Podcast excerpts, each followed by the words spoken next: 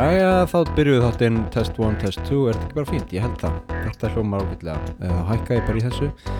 Þetta er mjög flott. Uh,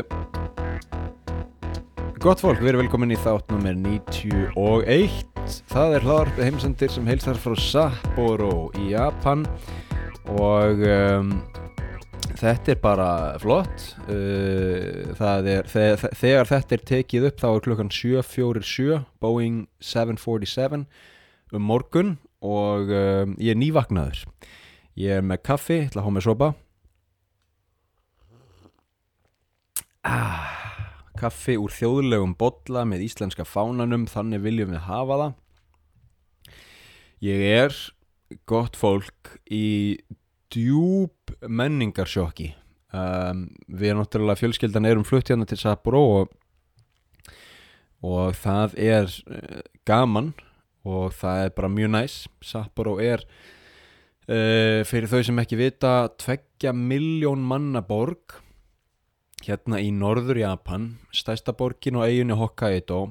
Uh, ég held að Sapporo sé á sömu breytargráðu á París en samt kannski aðeins öðruvísi loftslag og veðurfar. Það verður mjög kallt hérna á, á, á vetuna það fer alveg niður í mínus 10 á vetuna og Sapporo og Hokkaido er þekkt svona fyrir púður snjó, hér hafa verið tveir vetrar olimpíuleikar skíði og snjóbretti og, og annað slíkt.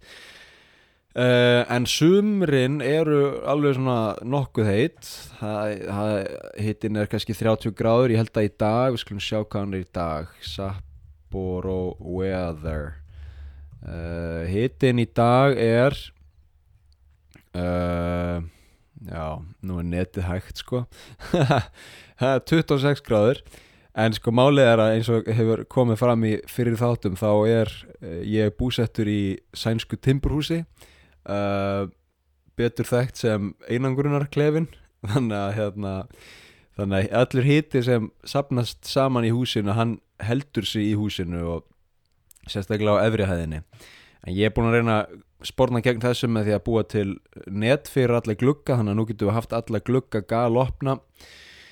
Kvölds á mótna og uh, kötturinn kemst ekki út og flugurnar komast ekki inn. Annar kaffisopi. Ah, en eins og ég sagði ykkur ég er sko í djúb menningarsokki. Það er nú eiginlega bara einn ástæða fyrir því.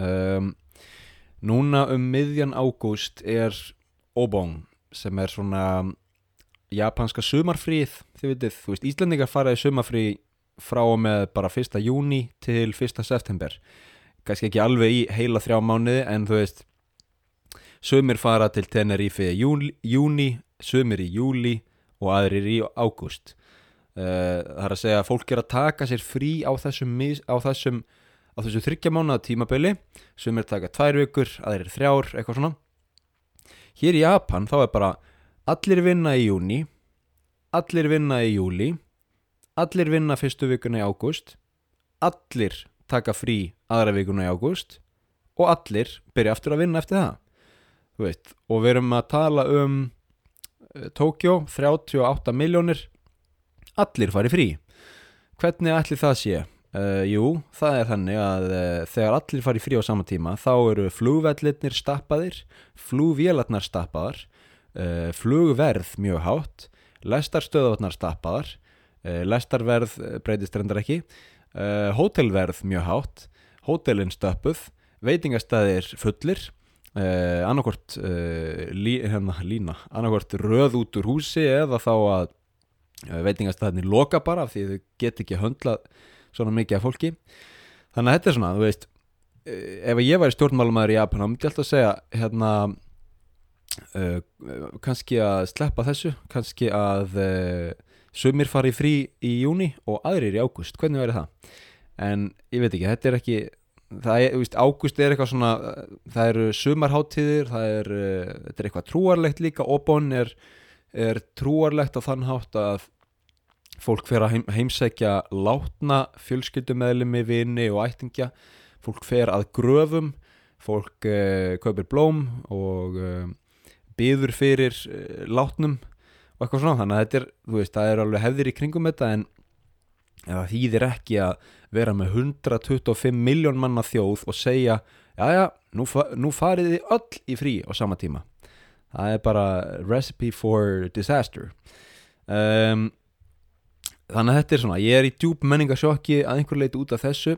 Við erum náttúrulega erum í þætti núna sem heitir japanska heimstýröldin og þetta er annar þáttur í þeirri serju og ég ætla að fjalla um uh, tímabilið 1939 til 1942 þetta er dundur þáttur þó ég segi sjálfur frá.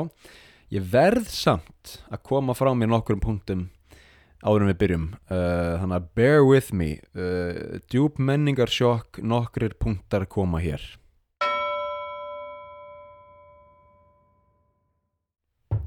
Þetta eru margi punktar þannig ég ætla bara að hafa þetta stutt og laggott. Og þegar ég segi djúb menningarsjokk og punktar þá er ég bara að tala um hérna uh, smá tæknilegir örðuleikar afsækja, aðeins bara nei, joke. Sko, nummer eitt what what, ertu ekki á Patreon? What? Ah, ha, ertu ekki á Patreon? What?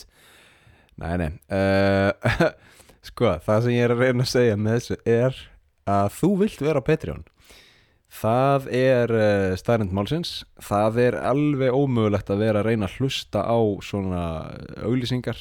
Þetta eru bara hvað 5 mínútna þættir hérna uh, í opinni dagskrá. Ég endar er með opna þætti kannski einu sinni mánuði eitthvað slíkt. En uh, ef þú hefur gaman af heimsendi komdu þá á Patreon. Það kostar lítið sem ekki neitt 700 krónur mánuði. Og þá ert að fá 36 þætti sem þar eru. Við erum að tala um látum okkur nú sjá, það eru þættir að borða við Sayonara Tokyo, það sem ég kveð Tokyo. Það er uh, Patreon áskoranir, 5 daga fasta 30 mínútna myndbandsþáttur um það.